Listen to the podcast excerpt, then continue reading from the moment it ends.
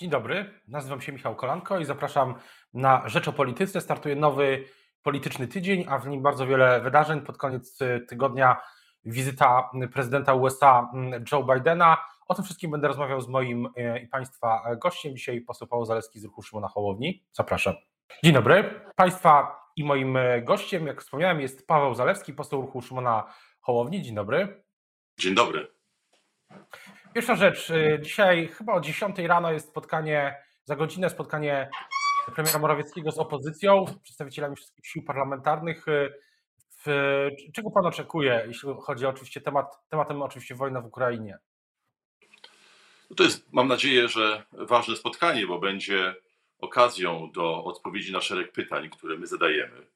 Y, po pierwsze, o ten pomysł, który został zgłoszony przez Jarosława Kaczyńskiego, bo jest kwestia przecież e, do wyjaśnienia Polakom, e, jaki ma być cel misji NATO, którą proponował Jarosław Kaczyński prezydentowi Zeleńskiemu, jaki ma być skład tej misji, kiedy ma ona rozpocząć swoje działania, w jakich okolicznościach politycznych i wojskowych. Także o ryzyka związane z tą misją, bo przecież może być tak, że ta misja doprowadzi do rozszerzenia e, konfliktu e, poza e, Ukrainę, na przykład na terytorium NATO. I pytanie jest takie, czy Polacy się na to zgadzają, czy chcą podjęcia takiego ryzyka. Ja, I, no słowo, bo hmm? inna rzecz, bo wydaje się, że ten prezes, pomysł prezesa Kaczyńskiego się wpisuje w taką, wpisuje się w taką, ostatnio bardzo wiele się powtarza taką tezę, że, że, że jeśli chodzi o ten konflikt, to trzeba być proaktywnym, a nie reaktywnym. Więc ja, ja to rozumiem jako no, pomysł właśnie na to, żeby było jakieś nowe rozwiązanie, y, żeby nie tylko działać w reakcji na to, co robi Rosja. To jest bardzo ważna wojna dla nas. Ona nie ma charakteru regionalnego, ona ma charakter globalny. W niej chodzi o to, czy e, nasze wartości, nasz styl życia, e, oparty na demokracji, rządach prawa, no mówiąc krótko na tym, że sami demokratycznie i praworządnie decydujemy o tym, w jaki, chcemy, w jaki sposób chcemy żyć. Czy ten e, cel, czy, ten, czy ta wartość e, zostanie obroniona, czy też e, nie, dlatego że dzisiaj Rosja i Chiny, bo trzeba traktować te dwa państwa razem, podjęły decyzję o takim aktywnym zwalczaniu tego, tych wartości, o korumpowaniu Zachodu, czyli tych państw, które są oparte na rządach prawa, e, o narzucaniu im swojej wizji, swojej wizji świata. Chiny i Rosja robią to bardzo aktywnie i e, gorącą częścią tego konfliktu, czyli wojenną, jest to, z czym mamy do czynienia na Ukrainie. Więc dla nas, dla Polaków jest bardzo ważne, aby ten konflikt zakończył się zwycięstwem Ukrainy, czyli zwycięstwem rządu prawa i demokracji, o które Ukraińcy walczyli na Majdanie. Natomiast, i teraz wracając do Pana pytania, bo najpierw chciałem powiedzieć, że to jest ważna rzecz dla nas, że to nie jest jakiś konflikt, wobec którego możemy stanąć obok, a tylko zajmować się przyjmowaniem e, e, migrantów, e, uchodźców. Otóż nie, nie migrantów, przepraszam bardzo, uchodźców, to jest bardzo ważne, aby to podkreślać. Otóż. Tak, o tą proaktywność. Polska, Polska powinna zrobić wszystko, czyli powinna być proaktywna, ale pytanie, o e, charakter y, misji wojskowej, o której mówił Jarosław Kaczyński, e, którą skrytykował już szef Rady Europejskiej, e, twierdząc, że ona byłaby początkiem III wojny światowej, czy też rzecznik Pentagonu, który stwierdził, że doprowadziło do, do dalszej eskalacji konfliktu, a eskalacja w języku Pentagonu oznacza rozszerzenie go na terytorium NATO. Dlatego tak bardzo ważne jest, abyśmy dowiedzieli się dzisiaj, o co Jarosławowi Kaczyńskiemu chodzi. Ja go nie chcę krytykować, czy też nie chcę się odnosić do, do samego pomysłu, nie znając jego szczegółów. To jest bardzo ważne, aby dzisiaj, e, zanim e, poznają szczegóły e, tego pomysłu nasi sojusznicy z NATO pod koniec tygodnia, żebyśmy my, Polacy, dowiedzieli się, o co Jarosławowi Kaczyńskiemu chodziło. Jeszcze jest jeden nowy wątek, chyba się zacznie dyskusji, to jest wątek dotyczący konfiskaty majątków Ros, Ros, Rosjan w Polsce, to, to mówił e, niedawno, że wprost e, e, premier Morawiecki. To uważa pan, że to też powinno być dzisiaj omawiane? To, to jest dobry pomysł? Rozumiem, że kwestia konfiskaty majątków oligarchów czy majątków Rosjan objętych sankcjami ma charakter ogólnoeuropejski, czy też europejski w połączeniu z decyzjami Wielkiej Brytanii i Stanów Zjednoczonych. I to jest też ważna, ważna interesująca kwestia. Kolejną e, istotną bardzo jest to, co zrobi rząd, aby uniezależnić się od importu ropy e, z Rosji. Dzisiaj to jest bardzo trudne, no bo my w 70% importujemy ropę właśnie z tego kierunku, więc e, no nie możemy tutaj ryzykować jakichś nagłych ruchów. Powinniśmy to uzgadniać z Unią Europejską i NATO, ale na pewno powinniśmy takie działania podjąć, bo przecież to ropa i gaz finansują wojnę Putinowi i nie możemy na to się godzić. E, to są wszystko kwestie, które mam nadzieję dzisiaj zostaną poruszone. A przechodząc e, właśnie płynnie na sam koniec tygodnia, bo tak jak wspominałem, bardzo wiele się będzie w tym tygodniu działo. Jakie są Pana oczekiwania, czy mm, jaki powinien być Pana zdaniem główny komunikat, który wyjdzie, powinien wyjść po wizycie prezydenta e, Stanów Zjednoczonych Joe Bidena w Polsce, bo już wiem, że ta wizyta się odbędzie i będzie na pewno spotkanie bilateralne, o którym którego nie było wcześniej mm, przez e, czas kadencji pana prezydenta e, z prezydentem Andrzejem Dudą. Więc co tutaj powinno, e, jaki powinien być efekt tego spotkania i do, do czego powinna dążyć administracja właśnie prezydenta Dudy, bo oczywiście na, na wpływ na amerykańską administrację my raczej, raczej nie mamy, ale możemy się zastanowić, co, co powinien zrobić dzisiaj prezydent Duda, żeby, żeby efekt tej wizyty był jak największy. To jest e, jedna zasadnicza kwestia. E, potwierdzenie zobowiązań sojuszniczych amerykańskich. E, one są potwierdzane nie tylko przez wizyty i słowa najważniejszych urzędników amerykańskich, a w tym tygodniu będzie to sam prezydent Stanów Zjednoczonych. I rzeczywiście pan, pan redaktor ma rację. Nie było nigdy takiej sytuacji, aby w bardzo krótkim czasie do jednego kraju przyjeżdżał sekretarz obrony, sekretarz stanu, wiceprezydent i teraz prezydent. I to naprawdę w ciągu, jakby w odległości kilku dni, kilku tygodni. To, to, to jest rzecz, rzecz niebywała i to pokazuje zaangażowanie amerykańskie, jeżeli chodzi o obronę terytorium NATO. E, ale istotne jest, są także rozwiązania systemowe, e, długofalowe, e, czyli uzgodnienie stałej obecności wojsk amerykańskich w Polsce i na wschodniej Francji szeroko rozumianej, w takiej ilości i w takiej jakości uzbrojenia, aby to, o czym mówią Amerykanie i czego spodziewamy się my, czyli ta realna obrona terytorium NATO, e, była skuteczna. E, oczywiście tutaj szczegóły należą e, do wojskowych, ale istotne jest to, aby Putin wiedział, że jakikolwiek atak na cel terytorium na jakikolwiek cel, na jakikolwiek centymetr, o może w ten sposób, terytorium e, NATO, e, e, na jakikolwiek centymetr terytorium NATO spotkał się natychmiast z odpowiedzią amerykańską i sojuszników NATO.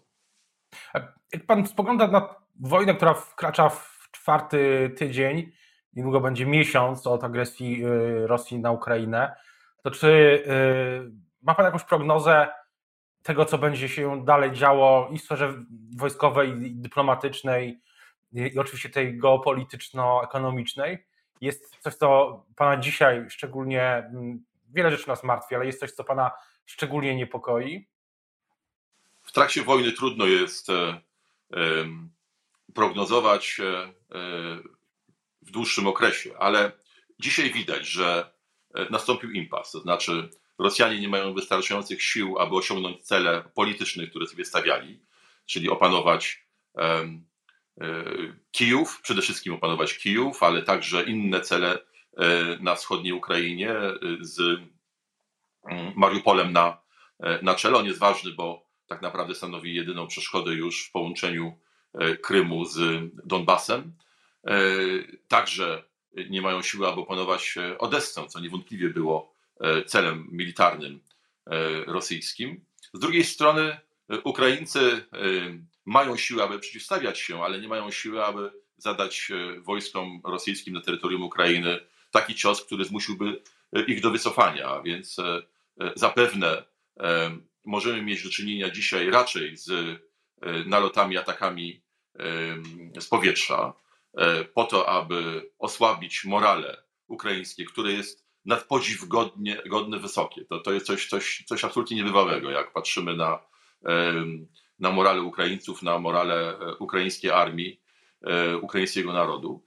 A więc z tym możemy, myślę, że mieć do czynienia i zapewne z jakimś ugrupowaniem wojsk rosyjskich, rosyjskich z ściągnięciem zapasów w taki sposób, aby no, to byłby cel rosyjski, opanować te ośrodki, o których e, mówiłem wcześniej. Przede wszystkim kluczowy tutaj będzie Kijów. Niemniej jednak widać, że jeżeli uda się utrzymać, to jest też bardzo istotna kwestia, dostawy broni e, do, i uzbrojenia do, e, na Ukrainę Zachodu, to ten konflikt może przejść taką bardzo długotrwałą i bardzo niebezpieczną fazę. Niebezpieczną dlatego, że e, główną ofiarą, no zawsze tak jest, ale w tym przypadku zupełnie nieproporcjonalnie wysoką, będzie ludność, e, ludność cywilna. A jak pan e, osądzi, czy mm, uważa pan, że na przykład zaangażowanie, spodziewa się pan na przykład tego, że Białoruś się aktywnie w tą wojnę zaangażuje, aktywniej niż do tej pory? To na pewno jest cel Putina, bo w jego interesie jest, aby Białoruś e, e, stanęła po, po jego stronie. E, wojsko białoruskie może uzupełnić te braki, o których mówiliśmy, braki po stronie rosyjskiej. Ten atak na południe, czyli na Wołyń najpierw, a później na Galicję z Lwowem, może być też istotny z punktu widzenia odcięcia dostaw uzbrojenia, które przecież wszyscy wiemy, idzie z zachodu, w tym przez Polskę. Także na pewno to jest cel, e, cel Putina, aby do tego doprowadzić. Wywiad ukraiński ostrzega, że będziemy mieli z tym do czynienia. E, takim sygnałem ważnym było wycofanie personelu dyplomatycznego i konsularnego Białorusi z Ukrainy. Rzeczywiście, e, jak zrobili to Rosjanie, to następnego dnia uderzyli. Natomiast niewątpliwie Łukaszenka przed tym się broni. Nie tylko dlatego, że Białorusini tego nie chcą, i to jest bardzo ważne żeby mieć świadomość, że o ile Rosjanie e, w większości popierają e, zbrodnicze działania Putina i swoich wojsk e, na Ukrainie, to Białorusini w większości są przeciwni. A więc Łukaszenka się broni i zobaczymy, na ile ten opór będzie skuteczny. Wracając do Polski, to myślę, że takie. Oczywiście sytuacja jest bardzo niestabilna i nieprzewidywalna, ale pamiętam bardzo dobrze, kilka dni temu powiedział ambasador Polski w Stanach Zjednoczonych, pan Marek Magierowski, stwierdził, że te sankcje gospodarcze, które Zachód nałożył na Rosję, powinny, że mogą trwać około 10 do, do 15 lat i że y, mniej więcej możemy też liczyć się z tym, że, że Putin u władzy będzie też jeszcze długie lata.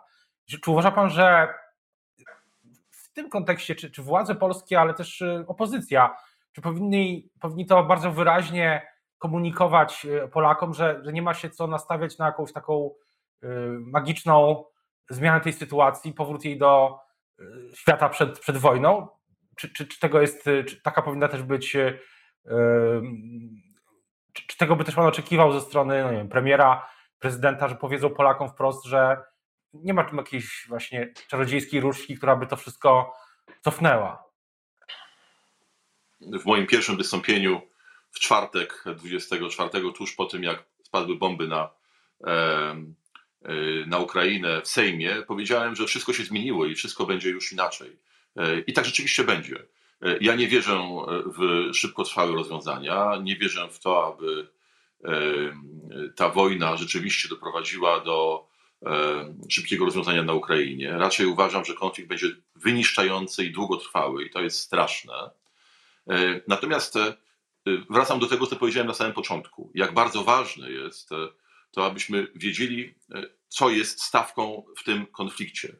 E, a więc, że to nie jest konflikt regionalny, tylko on dotyczy także tego, w jaki sposób będziemy żyli w Polsce. E, I zakładam, że Amerykanie szykują się na długi marsz, że te sankcje będą zwiększane z czasem, także w związku z tym, że Zachód stanie się bardziej odporny na ich skutki. To przecież wiadomo, że te sankcje dotykają nie tylko Rosjan, ale także mieszkańców Zachodu, więc e, musimy się na to przygotować i rzeczywiście musimy to zrobić. Stąd moje pytanie na przykład o ropę. w jakiej perspektywie możemy liczyć się z przestawieniem dostaw z Rosji na dostawy z innego kierunku, na przykład z Wenezueli. To jest, zakładam, możliwe i o tym także Amerykanie rozmawiają. Więc na pewno to jest długi marsz. I on ma jedną bardzo ważną konsekwencję, panie redaktorze, o której też warto dzisiaj mówić, bo to będzie wpływało na polską politykę wewnętrzną. Otóż dzisiaj ta sytuacja, czyli ten konflikt o rzeczy najważniejsze, trochę podobnie jak w okresie zimnej wojny z Rosją sowiecką i jej satelitami. E, otóż ten konflikt zakłada konieczność konsolidacji Zachodu. Jeżeli e, nasz styl życia ma wygrać, to musimy być skonsolidowani. E, a to oznacza także konsolidację w Unii Europejskiej, konsolidację wokół tego, o co się biją Ukraińcy. Bo ta wojna jest kontynuacją Majdanu, a w Majdanie chodziło o to, żeby odrzucić, żeby zrzucić tę ekipę, która Janukowycza, która okradała naród i przyjąć europejskie wartości wraz z umową stowarzyszeniową. I to oznacza konieczność konsolidacji także Polski z Zachodem od strony systemowej, od strony ustrojowej, od strony praworządności, czyli realizację tych wszystkich e, wymogów, e, które na polskie władze kładzie polska konstytucja nie, trakt, nie tylko traktaty europejskie i nie przede wszystkim traktaty europejskie, ale przede wszystkim polska konstytucja, która jest łamana w Polsce od 15 roku. To jest y, dwie, dwie sprawy na koniec. W tym wątku, w tym tygodniu zajmie się też ustawami sądowymi, pięć chyba projektów, trzy z obozu szeroko pojętego władzy, dwa projekty opozycyjne. I pytanie, czego tu Pan oczekuje, jeśli chodzi o, o te projekty? Co, co się powinno wydarzyć? Bo z tego, co słychać, to podstawą do dalszych prac w większości sejmowej większości PiSu ma być projekt prezydencki. Istotą jest, e, jest realizacja postulatów Unii Europejskiej, która przecież także jest zgodna e, z naszymi polskimi interesami i polską konstytucją, a więc likwidacja mechanizmu, który likwiduje e, niezawisłość sądowniczą. Tutaj instrumentem PiSu, który miał doprowadzić do likwidacji niezawisłości sądowniczej, była Izba, Izba Dyscyplinarna. A więc chodzi o to, żeby ten mechanizm zlikwidować. Temu naprzeciw wychodzi projekt prezydencki, który my powitaliśmy z pewną nadzieją, ale zarazem zastrzeżeniami, że to nie jest projekt e, doskonały, czy też nie jest to projekt dobry. To jest projekt, który jest początkiem prac i my do tego projektu złożymy jako Polska 2050 szereg poprawek i mamy nadzieję, że te poprawki, które doprowadzą do usunięcia wad tego projektu, zostaną przyjęte i będziemy mogli wszyscy głosować e, nad dobrym projektem uzdrawiającym w pewnej mierze, w pewnej części tylko polski system sądowniczy, a więc e, przywracający w jakiejś mierze, w jakiejś części, nie w pełni, ale jednak w jakiejś mierze e, praworządność w Polsce. Na koniec pytanie o jeszcze jedno wydarzenie, które miało się odbyć dzisiaj. Konferencja o przyszłości Polski z udziałem ruchu Szymona Hołowni, inicjatora tego projektu Lewicy i PSL-u i być może też Platformy została przesunięta na 4 czerwca i 4 czerwca tego roku też symboliczna e, data. Pytanie, w jakiej będziemy oczywiście już w innej rzeczywistości, ona się zmienia codziennie w zasadzie, ale mimo tego, jak, jak, pan, jak pan sądzi, co będzie jej przesłaniem tego spotkania za, za te dwa, mm, e, trzy miesiące? Polska po wyborach, Polska po PiSie. W jaki sposób?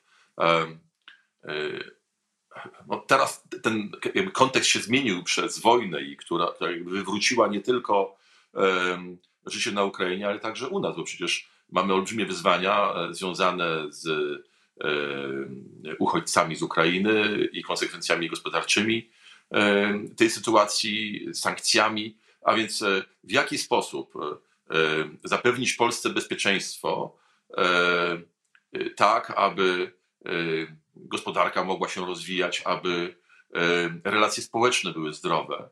E, a więc w jaki sposób rozwijać Polskę po wyborach w nowym kontekście, kontekście konfliktu globalnego, który zapewne wtedy jeszcze będzie trwał w formule gorącej, czyli wojennej na, na Ukrainie.